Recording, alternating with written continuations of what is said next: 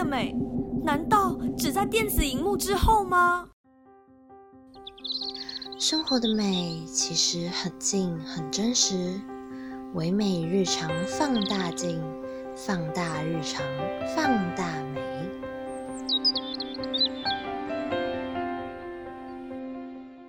Hello，各位听众朋友，欢迎来到每周二下午四点到五点的唯美日常放大镜，放大日常，放大美。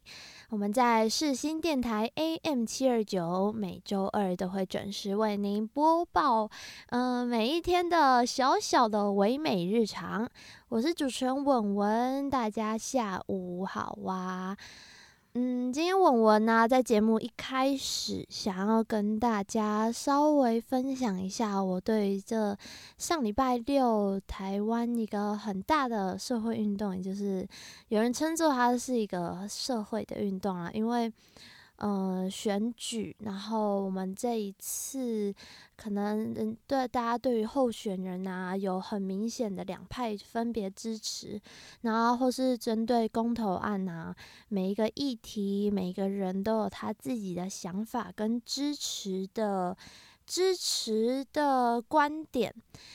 嗯，我是想要讲一下，嗯，因为这次公投案造成，其实造成世代很大的分裂，因为年轻一代的大多数都会比较支持同婚啊、同志的权益跟性别教育这一方面，那可能老一辈的他们因为。从小的教育环境跟氛围，让他们觉得同志婚姻这一个议题应该要再缓一下，应该就是要等台湾整个社会都更成熟之后，才能慢慢再来，就是进一步推动的。嗯，可是我讲到这，就会有一种想法是说，嗯，这一方面。大家当然会有很多的争议，有些人会说，为什么是由多数人来决数决定少数人的未来？还有人说，为什么是由嗯，可能嗯，思想比较旧式的呃老一辈的大人们来决定我们年轻一辈的未来？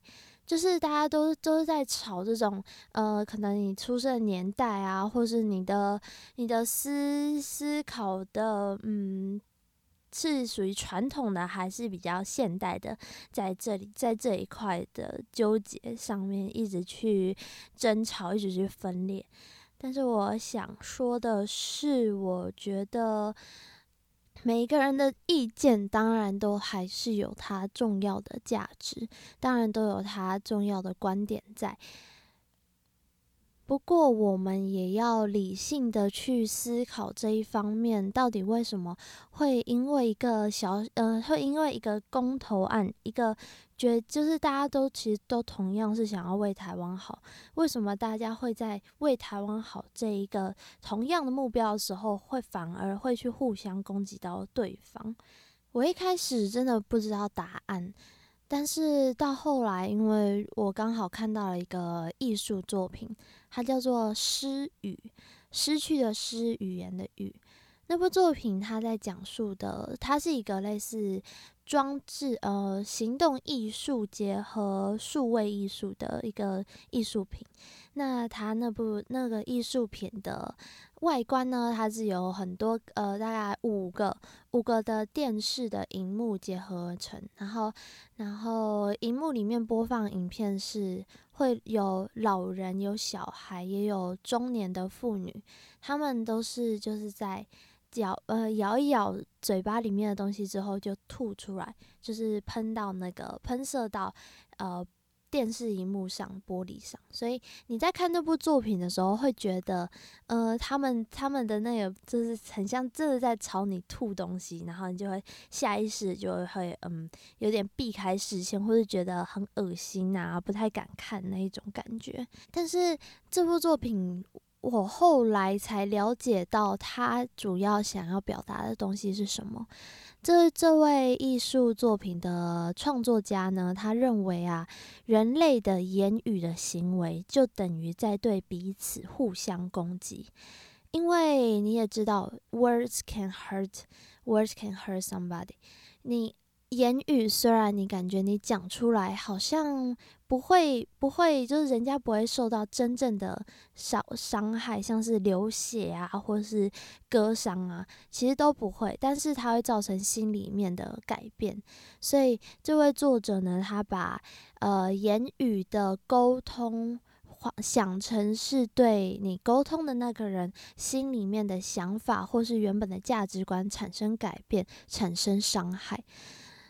所以我觉得这个议题就很符合，就很能解释为什么我们在一个同样是为了台湾好这个公投案上面。为什么我们在沟互相沟通的时候，很多时候会因为彼此的理念不合，甚至就是呃会会互相呃讲到后来，虽然是在讲沟通，虽然目标是要理性沟通，但是讲到后来都会变成很激动的，或是很没有很没有在对话的互相。呃，攻击叫嚣的方式，这好像都是因为我们一直以来都会在在一开始面对。跟我们不同言论、不同想法的言论，呃的语言的时候，我们的第一个直觉就是想要保护自己，因为我们的潜意识可能会感觉到我们的某一部分的价值观正在被这个言语所控，呃，所改变、所削弱。所以，当我们呃没有很有那个力量去维持理性的时候，最后这种不理性的沟通都会都会沦落成为一种嗯。很重复性，一直在鬼打墙，但是彼此没有在听进对方的想法的一个无止境的单向对话。这因为我其实，在同婚这个议题上面，也跟我家人啊，或者就是亲戚呀、亲爸爸、爸爸妈的亲友们的想法，也有很大的歧义。但是我觉得，我们我在跟他们沟通上面，我会我会比较嗯，就是接先去接呃，先去听他们的想法，然后接收到他们想要维护的是什么价值观，然后我再把我想要表达我们想我们所支持的价值观跟他们讲，就是。虽然一开始没办法接受，不过你在聆听的这时候，你可以稍微知道哦，他们其实虽然跟我们意见不一样，但是出发点同样都是想要呃维护他们心目中的理想社会，跟我们想要去提升社会到一个我们目标的目标的状态的那种。其实动机点都蛮像，大家大家不是为了让为了伤害谁，所以去去有这种想法。然后其实公投完，呃，结果就是差不多差不多出来的那时候啊，我蛮难过，心里很难过，然后就去看一个呃支持同婚的。组织他们开的一个直播，然后其中有一个协会的女，嗯，协会的女生，她就有讲了一句话，我觉得还蛮棒的。她说：“呃，这对于同婚这个议题啊，我们的斗争是要比谁的气长，所以我们不要因为一时的失败就就。”就觉得很失落啊，觉得一切都没希望，未来整个就整个灰掉，没有再活着的意义在了。因为很多的改革运动都是没办法这么及时、这么快速的，毕竟每个人接受到常年、常年累积下来的观念不同，他们能够接受的限度，我们也只能靠时间去慢慢的呃柔化，或是去嗯。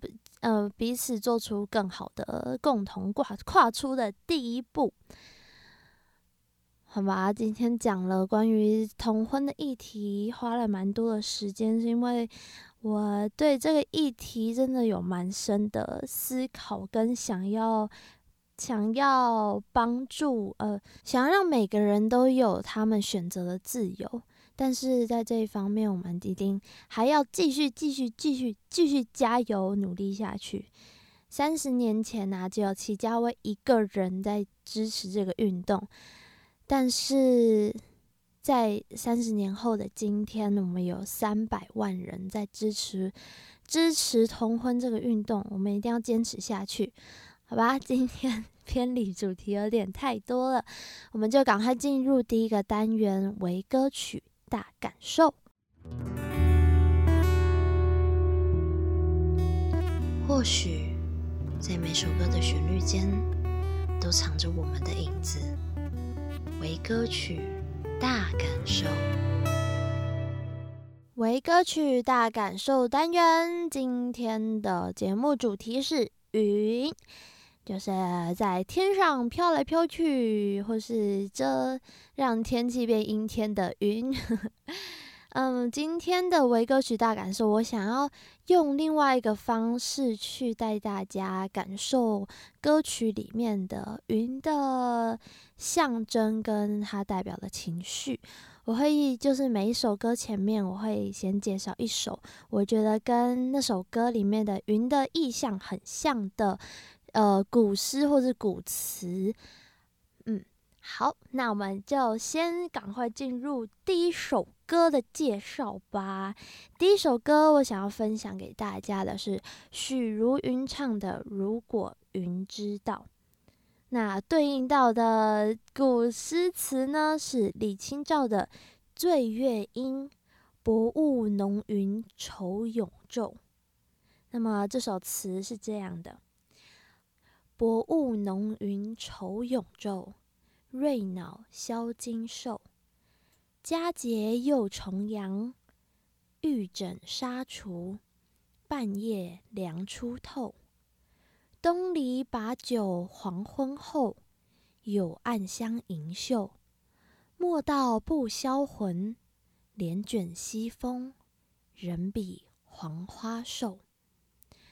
这首词是宋代词人李清照写的，他独守空闺的相思作品。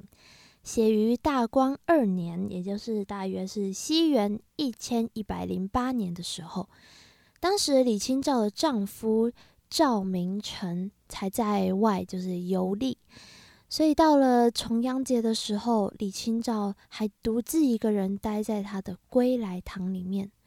而为了表达佳节里面这种佳节倍思亲，然后对丈夫的思念，还有为了抒发自己的寂寞的。痛苦，李清照就写下了这首词。而这首词里面的云呢，出现在第一句“薄雾浓云愁永昼”。在重阳节这一天呢，从早到晚，天空都是薄雾弥漫，然后云层浓密的，灰灰的天空就像李清照心中那个散不去的忧愁一样。阴沉沉的天气，再加上原本就孤单的哀愁。唉，真的是愁上加愁啊！每逢佳节倍思亲，这个象征相聚的重阳节，而李清照却只能一个人独守空闺，思念远方的丈夫。愁苦的心情让他的时间过得好像特别慢，每分每秒都是煎熬。而这种度日如年的感觉，就是所谓的愁永昼啊！这首词里面的云，就是象征一种很悲凉，然后散都散不开，就像今天的天空一样，阴沉沉的天气，然后呃湿气很重，你会看到一大厚厚的云层积在天空上，你看不到和可能很很很和煦的阳光，就遮住那个很和煦的阳光。那这首歌，呃，这首词为什么会想要跟许茹芸的《如果云知道》这首歌连接在一起呢？那么我就先带大家听听这首许茹芸唱的《如果云知道》。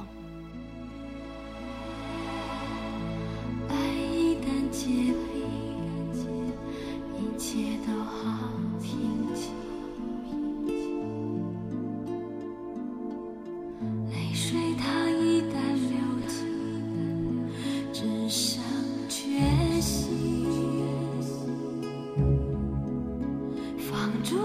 自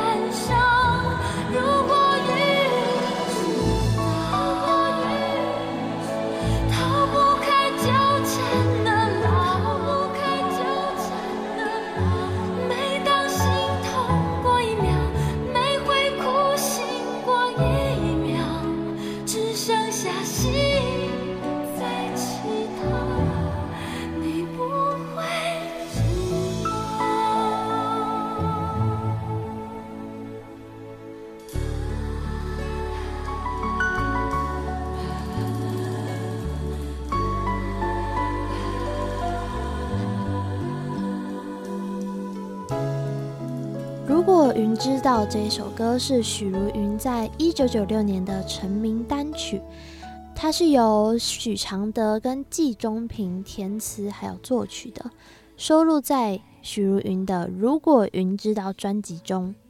这首歌啊，让他在隔隔一年，一九九七年的时候，因为这首歌而获得金曲奖最佳国语女演唱人的奖项。那大家在听这首歌的时候，从他一开始那个很忧郁的琴声慢慢的出现，就像夹带着一种感觉，跟随着你的气息瞬间逼近你的内心深处，再加上许茹芸的云式情歌唱法，就是那种很很空灵，然后低回。飘渺的声音，让听众体验到情感随的随着他的歌声，他的强弱跟起伏，进入你的心中。许茹芸的歌声啊，我自己觉得它蕴含一种很柔弱，但是又坚持下去的美。他的这首歌，如果云知道，就透着一股悲情和。但是悲情，但是又温柔的倾诉，在飘荡起伏的音符间呐，还有旋律营造出来的意境里面，他表达出一份对爱的无奈跟失落。他唱到高音的时候，又带给一种让人有陷入就是直冲到云端的错觉，然后在云端、云间这样子飘来飘去、钻来钻去的错觉。那么我现在就讲一下为什么会选李清照的这首《独守空闺》的词，跟《如果云知道》这首歌连接在一起呢？因为我觉得两首呃两个作品同样都是在诉说女生在谈恋爱的过程中的那种哀伤。不过李清照她的哀伤是因为相爱的两个人因为距离的关系没办法相见。而如果云知道这首歌里面的哀伤，它是对方已经呃已经走远了，然后只剩一方还在原地，就是坚持，然后不愿意走，就是走向未来的那种哀伤。许茹芸她的这种云式唱腔啊，就是很轻轻的、很飘渺的。柔情的感觉，让我又再一次验证我之前听过一句话。他说：“轻轻，有时候轻轻的唱，会比你大声唱还要来的直达人心，还要来的感人。”那么下一首歌，我想先介绍我跟跟这首歌的连接的词，呃，词诗词作品。这个诗词作品呢，是宋代的陈浩所写的。春日偶成，那他的诗句是这样的：云淡风轻近五天，傍花随柳过前川。时人不识余心乐，将谓偷闲学少年。这首这首诗其实蛮有趣的。那我现在跟大家解释一下这首诗的，就是翻译。他说呢，淡淡的云在天上飘着，风儿吹拂着我的脸庞。此时已经接近正午，而阳光温暖极了。我穿梭在花丛之间，沿着河川旁的绿柳，不知不觉来到了河边。而当时的人们不理解我此时此刻的内心的快乐，还以为我正在装年轻、学年轻人的样子。趁着大好时光，忙里偷闲的玩耍呢。这首诗是陈浩在他任职陕陕西县主簿的时候，他趁着春天的好天气出门郊游，然后集景看着眼前的美丽景色，就是写书呃书写下来一首诗。陈浩呢是宋代一个有名的理学家，他因为是理学家嘛，常常要探讨一些哲理，所以他长期会就是把自己关在他的书斋里面，很少有闲暇的时候可以出门走走。但他那一天呢，他就走出他的书房，到了大自然中，觉得格外的放松，格外的快乐，那种怡然自得的心情啊，就呃就怡然自得的心情就隐藏在这首诗里面去。他用白描的手法去勾勒出这一个风和日丽的春日景色，云淡风轻近午天，天空中淡淡的白云，还有柔柔的春风，再加上和煦的阳光，半傍花随柳过前川，在地面上红花绿柳，还有碧水。陈浩啊，就从容的交错在这一个美景中。这短短的十四个字，就画出了一幅很美丽又舒服的春景图。诗里的云淡风轻，对比我们上一首介绍的，呃，李清照的愁思的情绪的那个愁云浓雾的感觉，就更加凸显出这种淡云的自在跟放松。就像我接下来要分享的这一首歌里面的云一样，轻飘飘，没有任何牵挂的，凤飞飞的，我是一片云。我是一片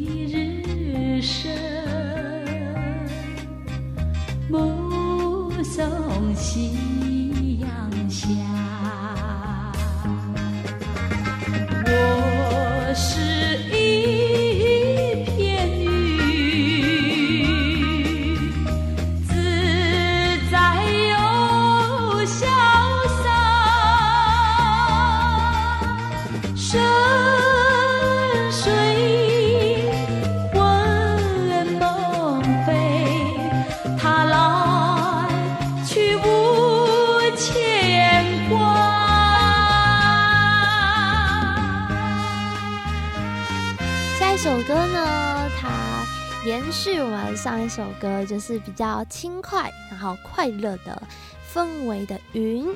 但是这首歌里，呃，它还蛮有趣的。我觉得这首歌的歌词，待会儿在播的时候，大家可以听听看，就是认真去听一下，他是怎么把一首歌词可以写的这么这么可爱，这么 这么白话。好，这首歌呢是由《健忘村》电影的主题曲《一片云》。呃，不知道观听众们有没有听，呃，有没有看过这一部电影，叫做《健忘村》。那时候我记得那时候好像还蛮红的，不过我那时候没有去看。然后我在查到这首歌的时候，我就很很好奇，为什么它的主题曲会叫做《一片云》。后来发现呐、这个《一片云》这首歌其实是电影里面有出现一个剧情，它是有就是有灰云、啊、红云、金云、乌云，好，然后七个七个云组成的一个啊强盗的强盗的团体。这部《健忘村》呢，它其实它是有点带有在讽刺政治，然后可是它是用很幽默、很暗喻的方式去表现的一部搞笑电影。那这部的粗略的剧情就是在它设定的那个年代里面呢、有一个村落叫做欲望村。呃，不是你现在想的那个欲望，不是呃金钱的欲望那个欲望哦，是富裕的裕，然后呃兴旺的旺。但是我想他取这个名字应该也有他的他的暗喻啦，就是欲望。那在这个村子里面，当时的传说说那个村子的地点，它的风水有帝王之相。所以当地的呃不是呃，所以好像有外来的人就很觊觎这一块福地，企图跟那一群土匪帮联手强强联手去强争夺取这个这落这个村落，而这个土匪帮就是我们刚刚介绍的一片云。此时呢，村里面发生了一个意外的杀人案，就让外来的道士被指为嫌犯。而这个道士呢，靠着可以让人家忘记烦恼的神神秘的法器，改写了这个村落村民的记忆。而这样一片世外桃源般的村落，一名不速之客的到访和一个神秘宝物的出现，就引发了一系列的案件，同时呢，也改变了这个欲望村的命运。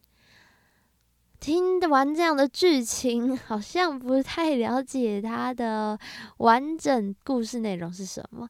不过我觉得光这样子听到剧情就蛮吸引我的。然后再加上我听到这首歌，就觉得这个电影应该是那种会让，呃，他有想他探讨的议题，不过他的议题不会是很生硬或是很黑暗、很沉重的。它会让它的议题就随着它的搞笑的成分，然后慢慢的就是渗到你的心里面，然后你可能在看完之后就看得开开心心的。不过，呃，比较消化过之后，又会开始它有点思考它里面传达的问题是什么。那么，就大家先听听这首《一片云》，很可爱的一首歌。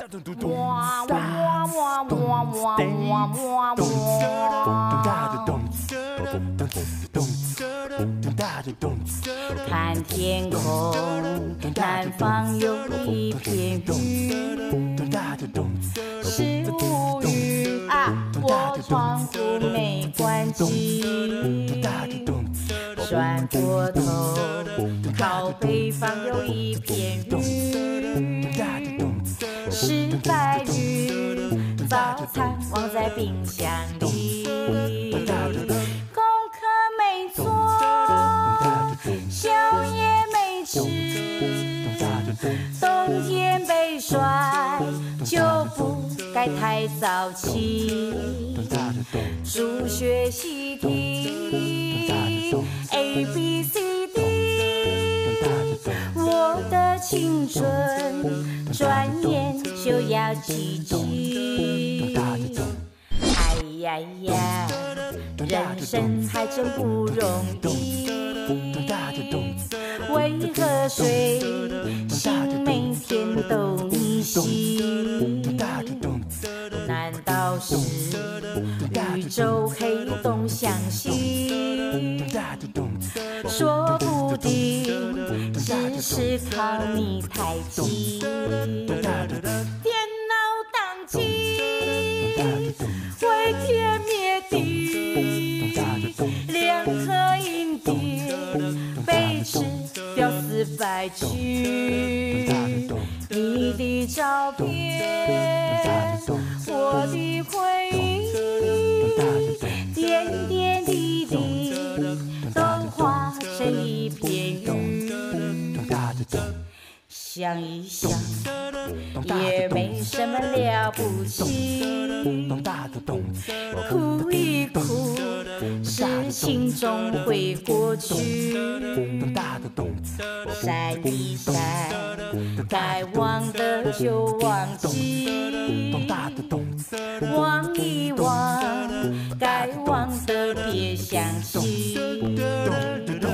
修一修，也许还能救回无惧。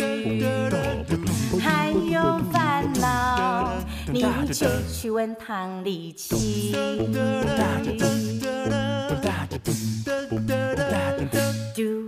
下面接下来这一首歌，我想要先分享它的连接的诗词。呃，这首诗呢不是古诗，它是一首现代诗，它的名称叫做《云》，是由古呃现代诗人周梦蝶所写的。诗的内容是这样：永远是这样无可奈何的悬浮着。我的忧郁是人们所不懂的，现我书卷之自如吗？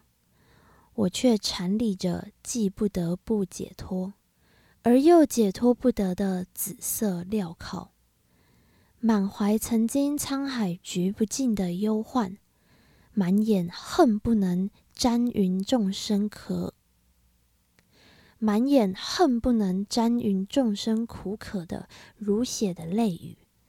多少踏破智慧之海空，不曾拾得半个贝壳的愚人的梦。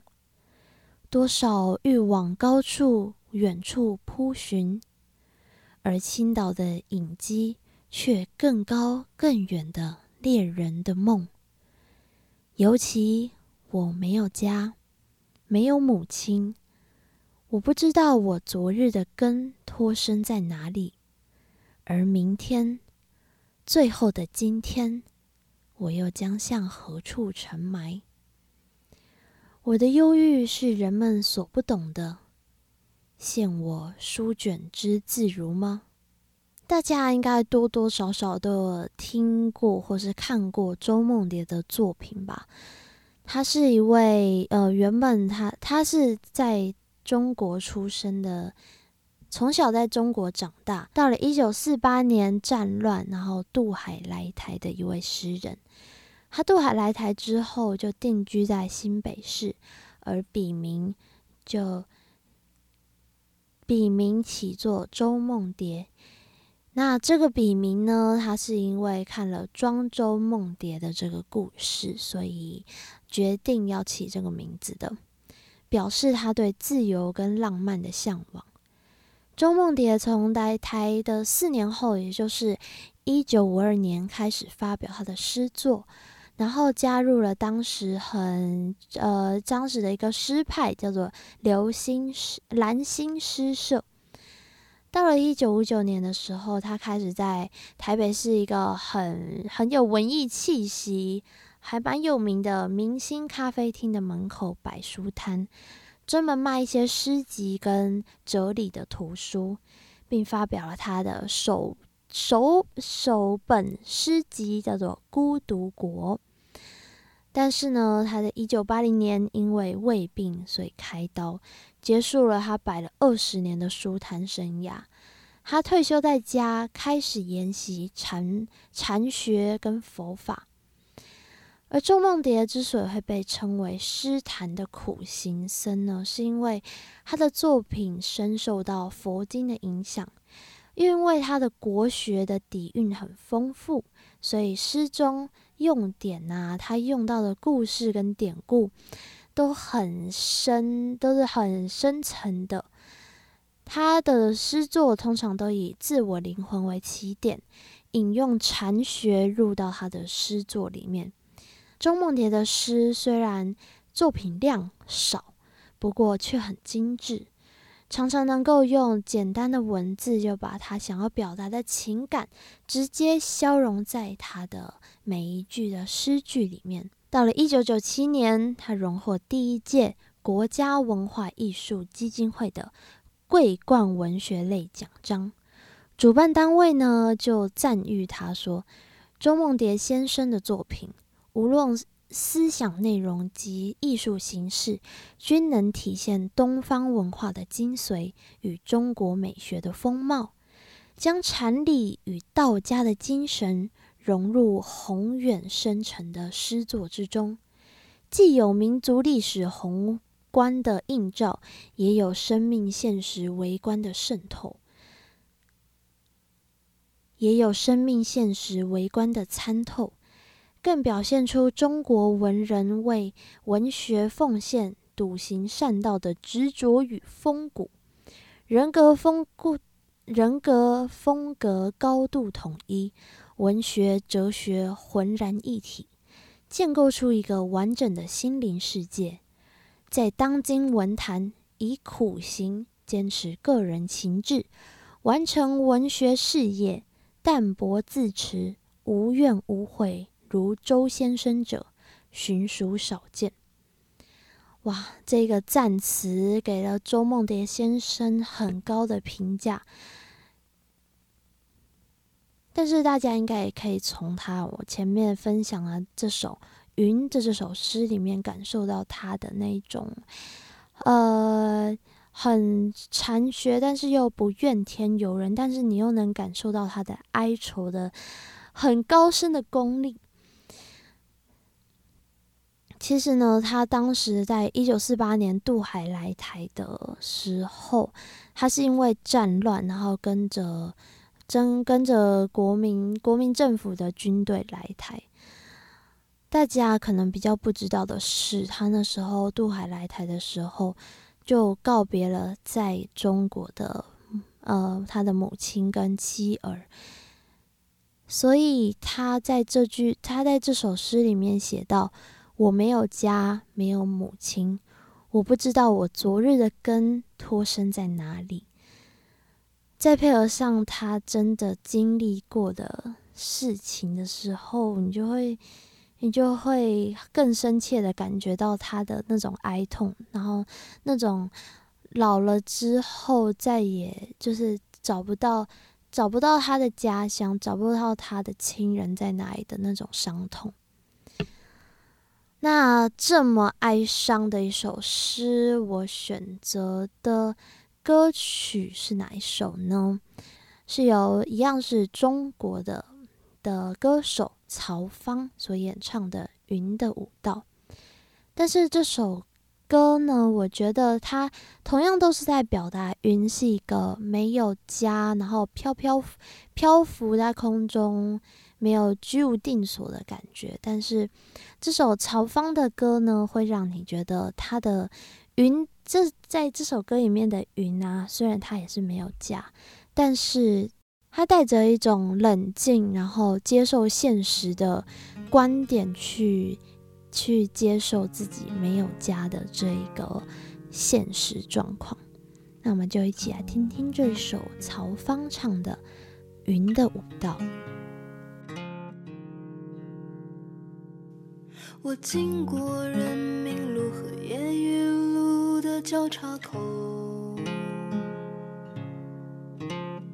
有一个老板问我要不要买一束花。而我只是一个旅客，我没有固定的居所。而我只是住在一个面海的房间。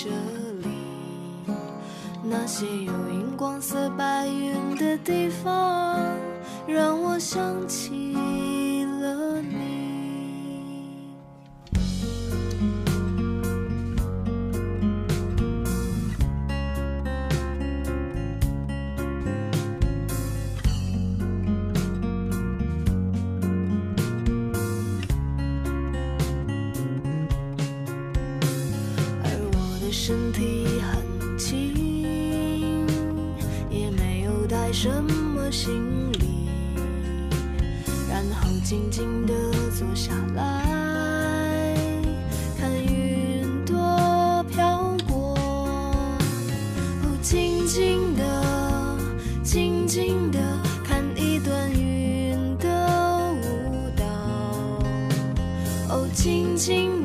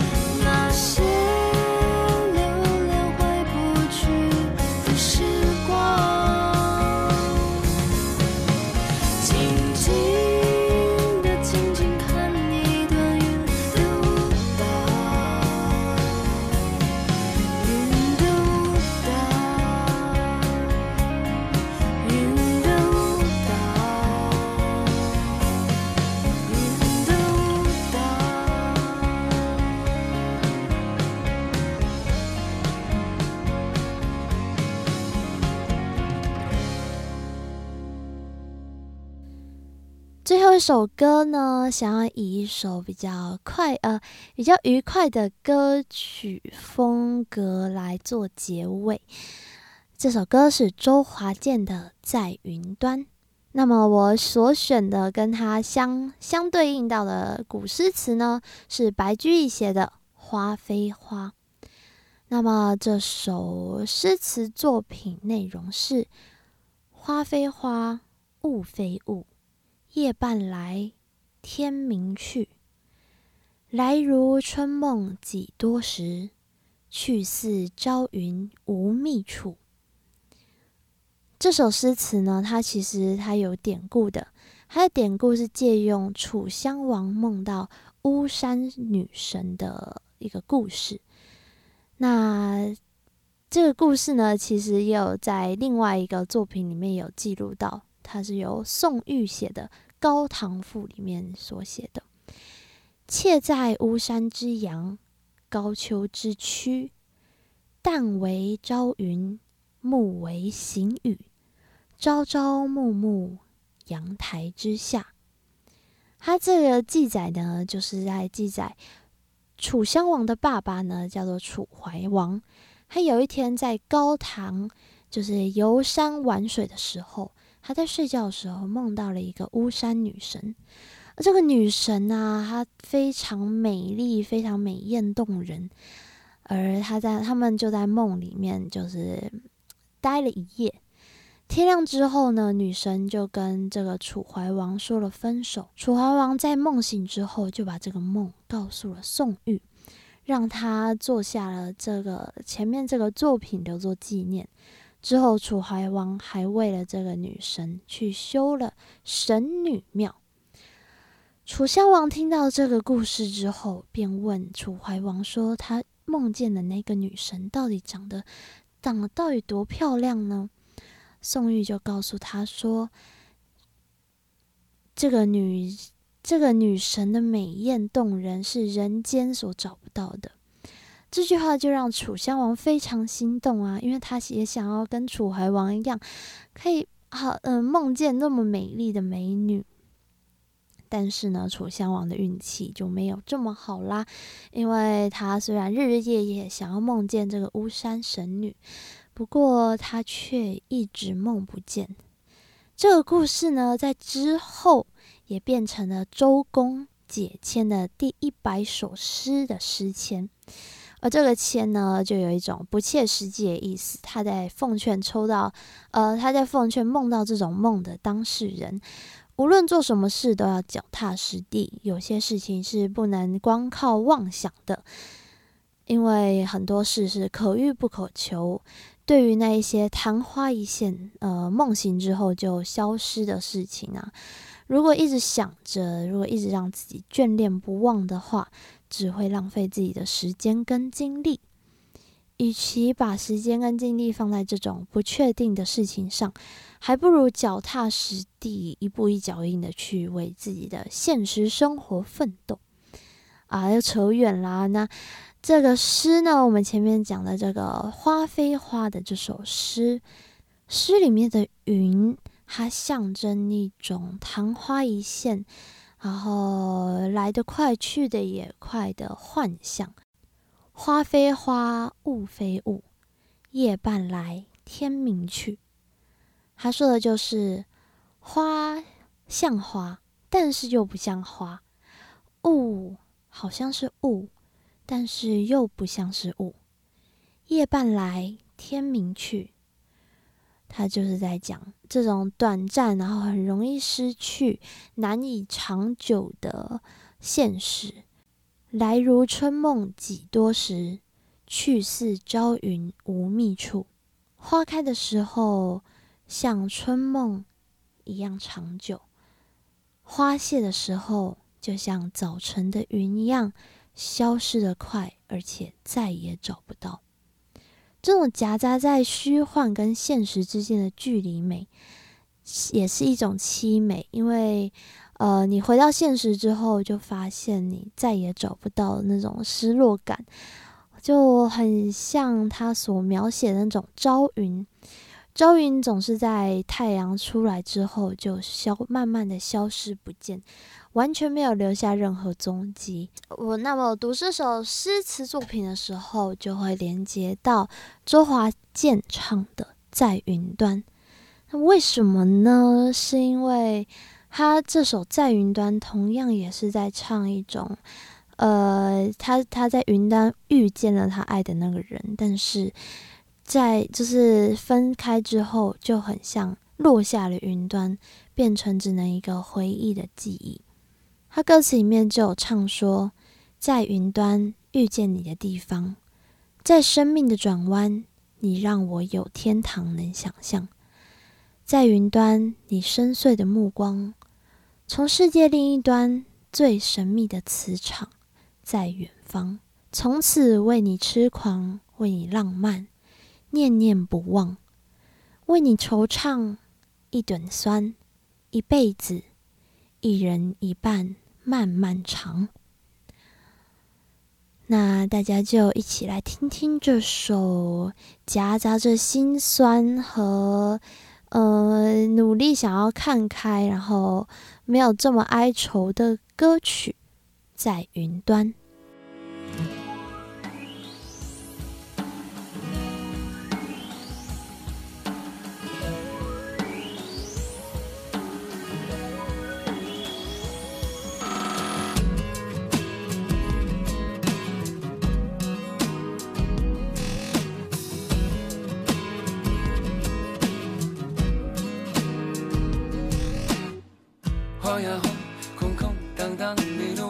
太空舱，飘呀飘，无穷无尽，茫茫如白日梦一场。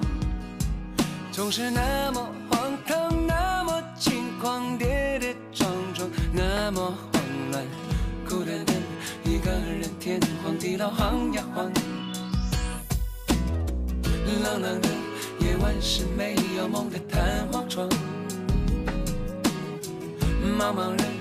回头转眼，瞬间无疑是流浪汉。多少爱的野蛮，爱的背叛，天旋地转，爱的迷惘。有点烦，一世纪过了一半还很长。在云端遇见你的地方，在生命的转弯，你让我有天堂能想象。深邃的目光，从世界另一端，最神秘的磁场。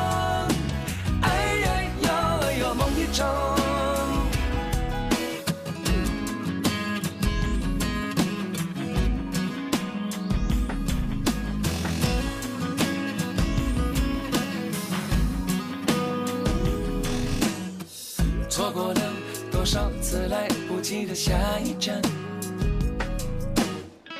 逃不掉，等候就等着我来坠入你的网，从此为你痴狂，为你浪漫，念念不忘，为你惆怅。一点酸，一辈子一人一半漫漫长。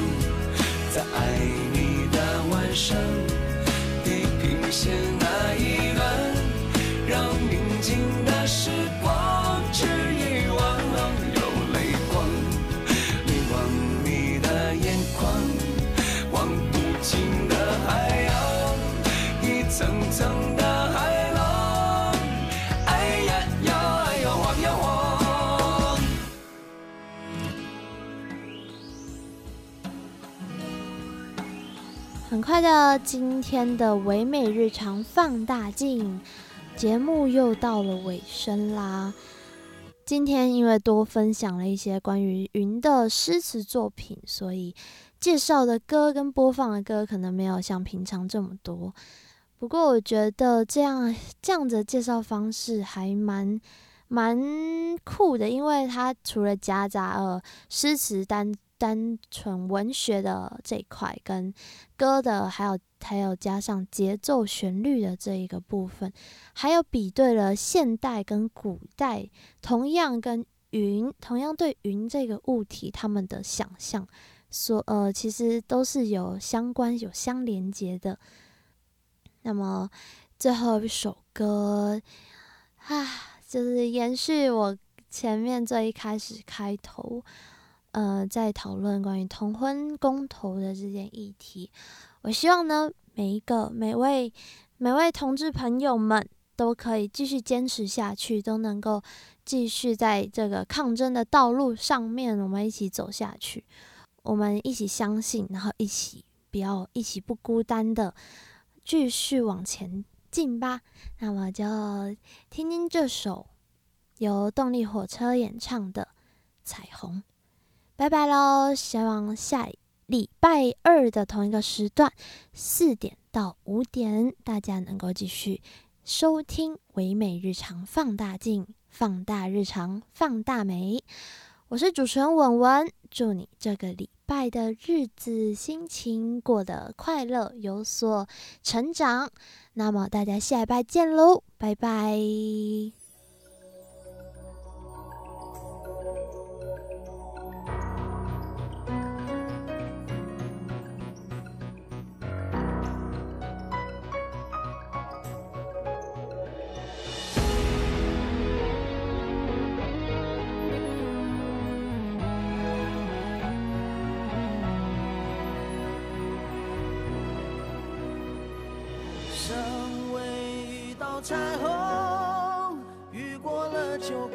闪亮整片天空，让我深爱的你感到光荣。哦身为一道彩虹，尽全力也要换你一段笑容。